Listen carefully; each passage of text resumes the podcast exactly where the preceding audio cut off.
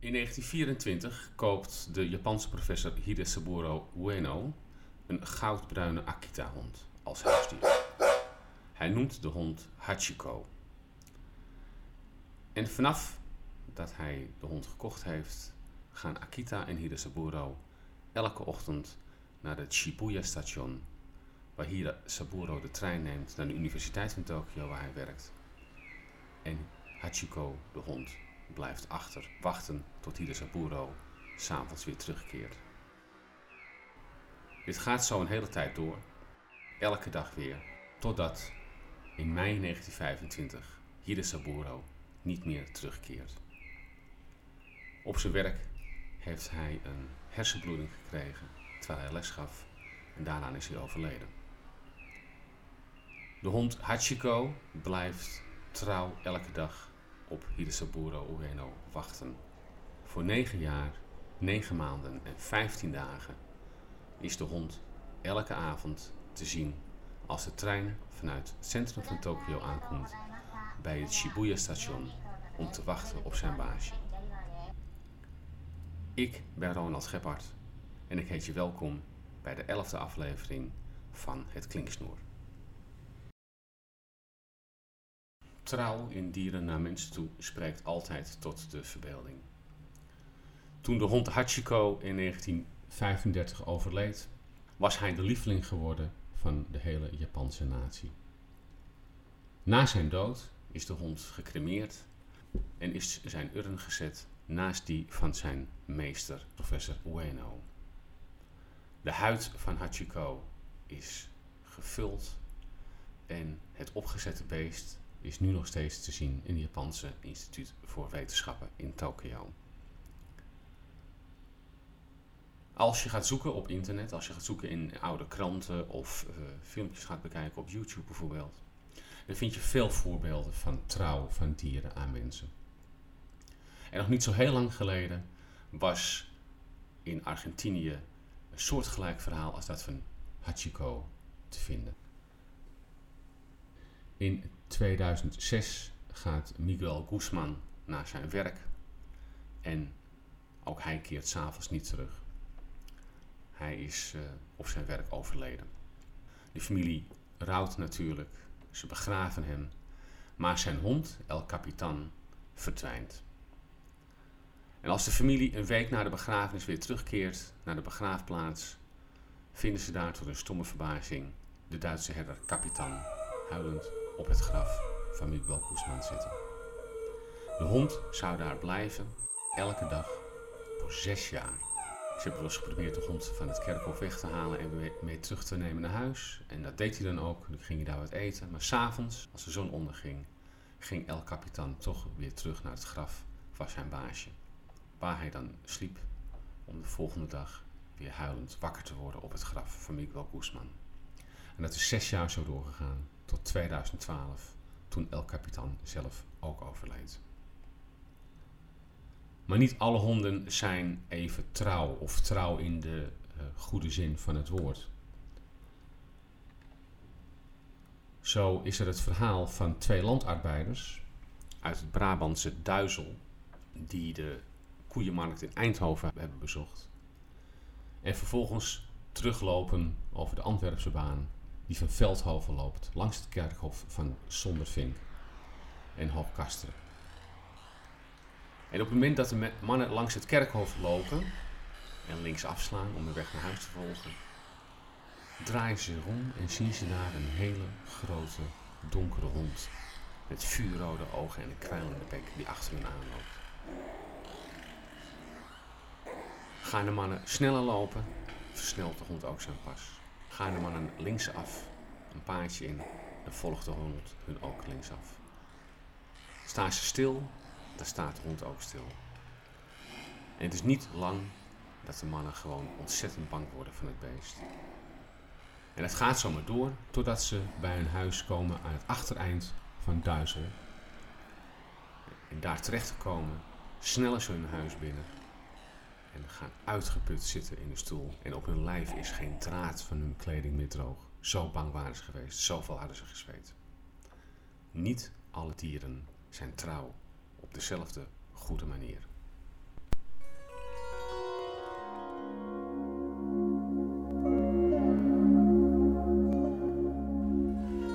De twee grote boeken in de Indiase mythologie zijn de Bhagavad Gita, die in het Westen redelijk bekend is, en de Ramayana, die het verhaal vertelt van de avonturen van koning Rama en zijn vrouw Sita. Sita was ooit gevonden als kleine baby in een voor in het veld die door koning Janaka was omgeploegd. Koning Janaka vond de kleine Sita en nam haar mee naar zijn paleis waar ze opgroeide als zijn dochter. Janaka had ooit van de god Shiva een grote en hele zware boog gekregen, die op het plein voor het paleis lag. En toen Sita nog heel jong was, zag Janaka hoe Sita moeiteloos de boog kon optillen en ermee speelde. De boog kon spannen en hem kon bespelen als een muziekinstrument. Prachtig bij kon zingen. Toen Sita de leeftijd had dat ze zou kunnen trouwen, moest Janaka weer denken aan eh, de grote boog waar Sita ooit mee had gespeeld. En hij stelde het volgende voor. Alle mannen mochten komen. Sita mocht dan haar juiste bruidegom uitkiezen. Maar de voorwaarde was dat de man die Sita uitkoos in staat moest zijn om net zo makkelijk als Sita gedaan had toen zij een klein kind was, de boog op te tillen en te kunnen spannen.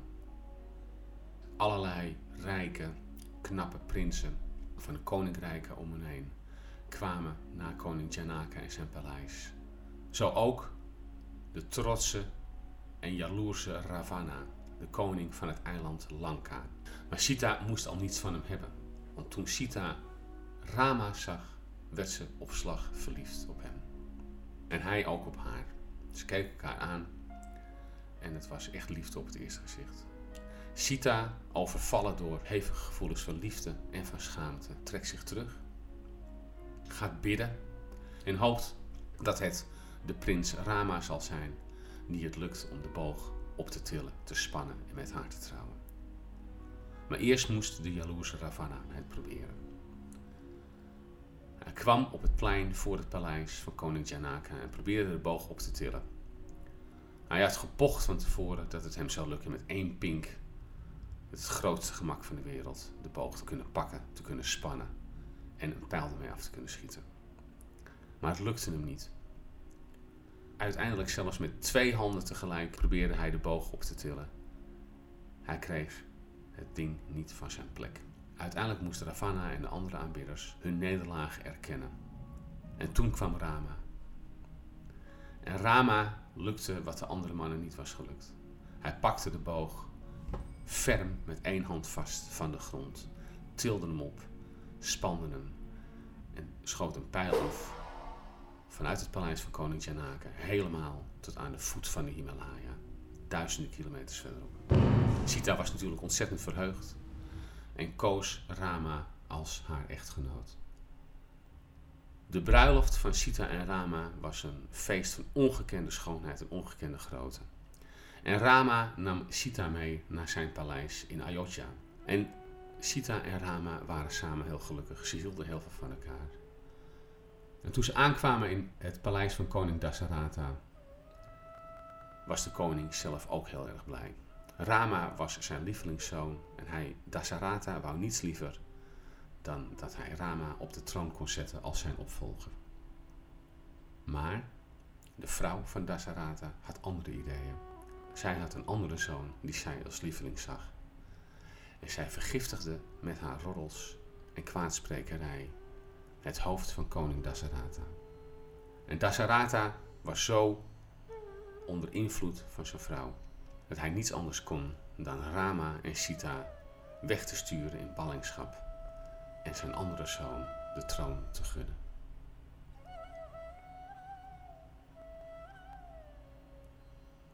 Rama en Sita worden verbannen en met hun mee gaat de broer, een andere broer van Rama, Lakshmana, die besluit om hun twee niet alleen te laten gaan, maar hun te vergezellen in hun Vanavasa, hun verblijf in het bos.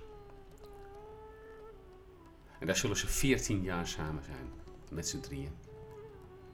Sita en Rama, getrouwd. ongelooflijk verliefd op elkaar. En Lakshman. De mensen van koning Dasarata zijn door het besluit van de koning zeer ontstemd en bedroefd, want ze vonden Rama en Sita het mooiste paar wat ze ooit hadden gezien. En ook Dasarata wordt overvallen door schuldgevoel en een dag nadat Rama en Sita en Lakshman vertrokken zijn, sterft de koning van verdriet, van een gebroken hart. Rama krijgt te horen van het overlijden van zijn vader en wil toch doorgaan met hun Vanavasa, het verblijf in het bos, want dat heeft hij zijn vader zo beloofd.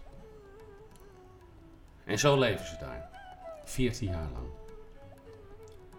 Sita, die gewend was een leven te leiden in luxe, geeft alles op om bij haar geliefde Rama te zijn. En het zal het eerste grote offer zijn dat ze brengt uit liefde voor haar man. Rama op zijn beurt is liefdevol en voorkomend naar zijn vrouw. Hij zorgt ervoor dat het haar in de jaren aan niets ontbreekt. Ravana blijft wrokhartig en boos dat het hem niet gelukt is om de mooie Sita te trouwen. En op een dag zorgt Ravana ervoor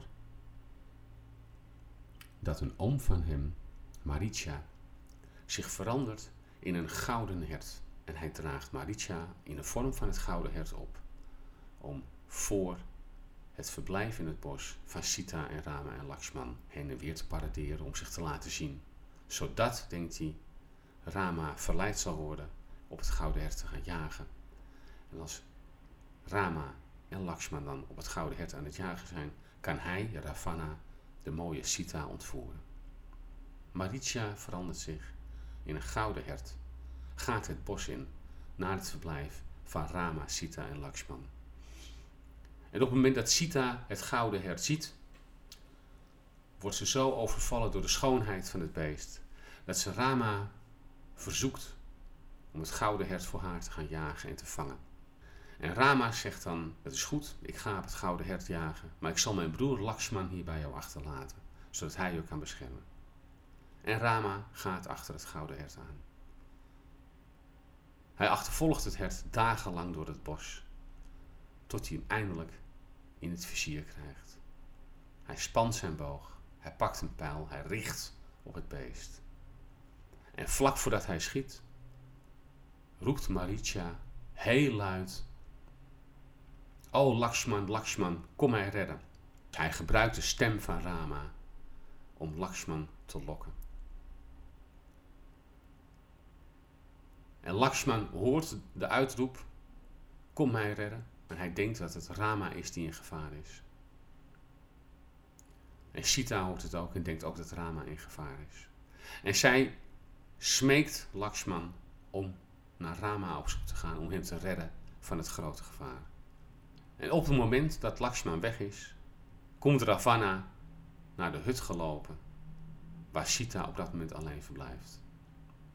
En Ravana vermomt zich als pelgrim en vraagt Sita om een aalmoes. Hij weet dat hij Sita niet zomaar kan ontvoeren, tenzij ze uit zichzelf naar hem toe komt. En Sita wil de bedelaar die voor haar staat, die eigenlijk dus Ravana is, een aalmoes geven. Maar ze stapt niet over de drempel van haar huis. Op dat moment wordt Ravana zo boos dat hij de grond en al waar het huis op staat, met Sita erin, uit de aarde optilt en meeneemt naar zijn paleis op het eiland Lanka.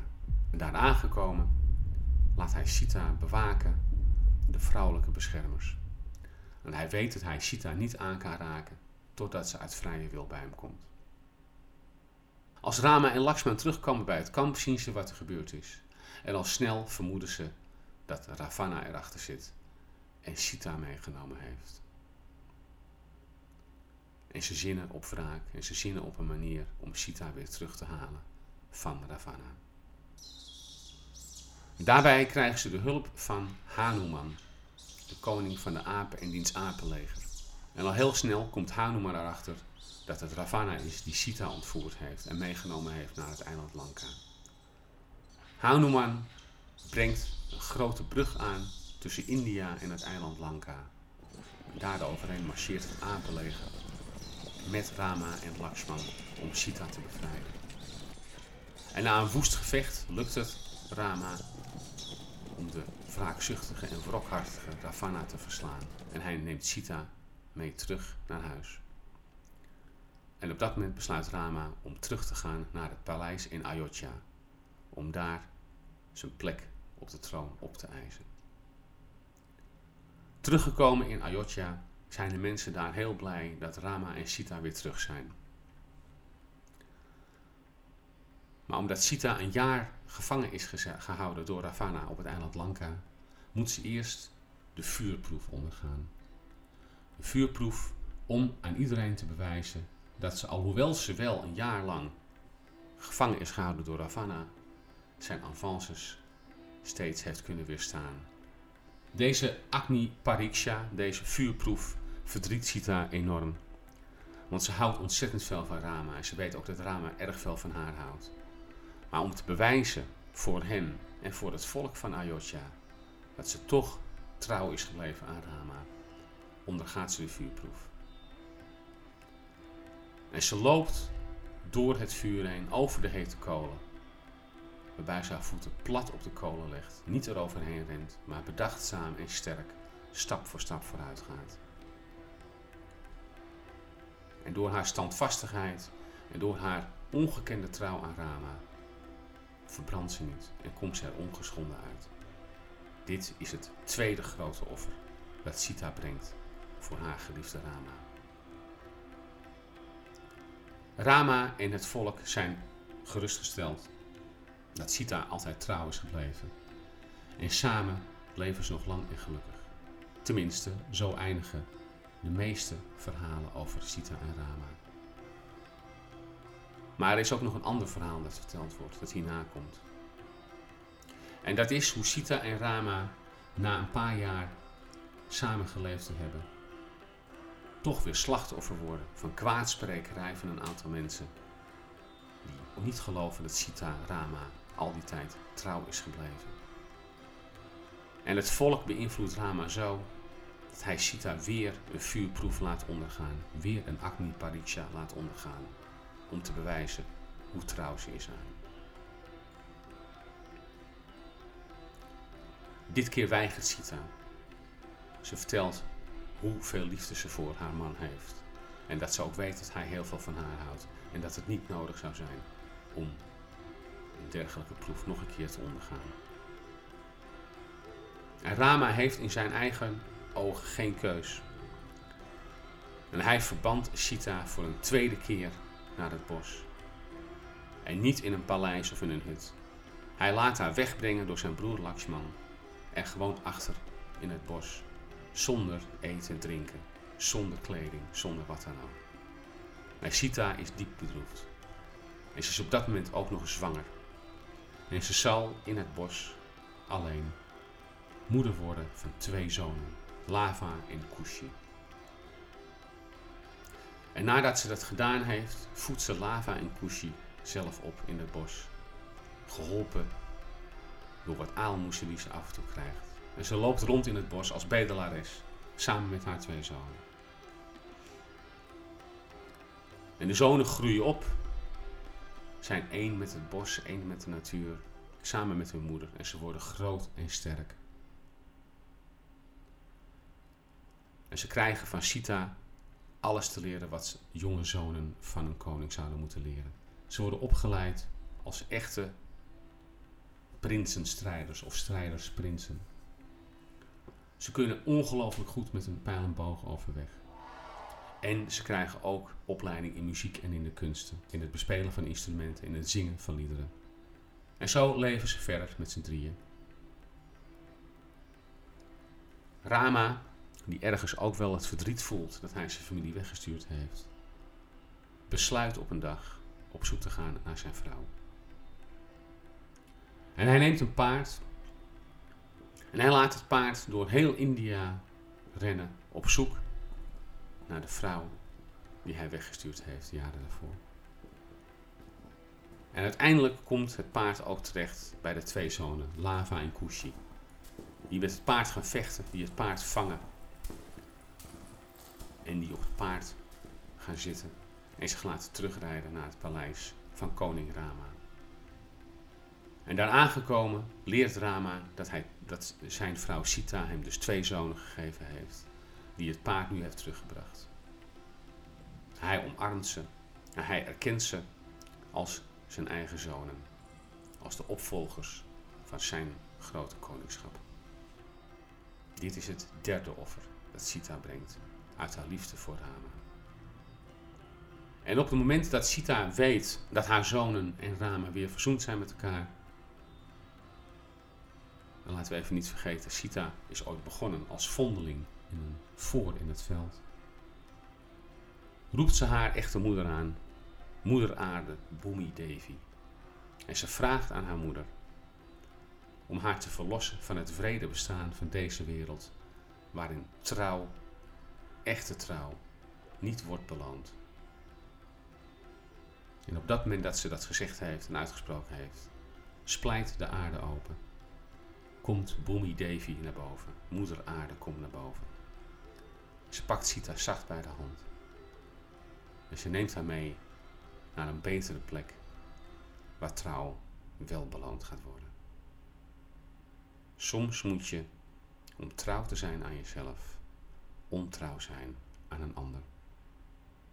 En hiermee is het verhaal van de aanwezigheid van de godin Sita op deze aarde ten einde.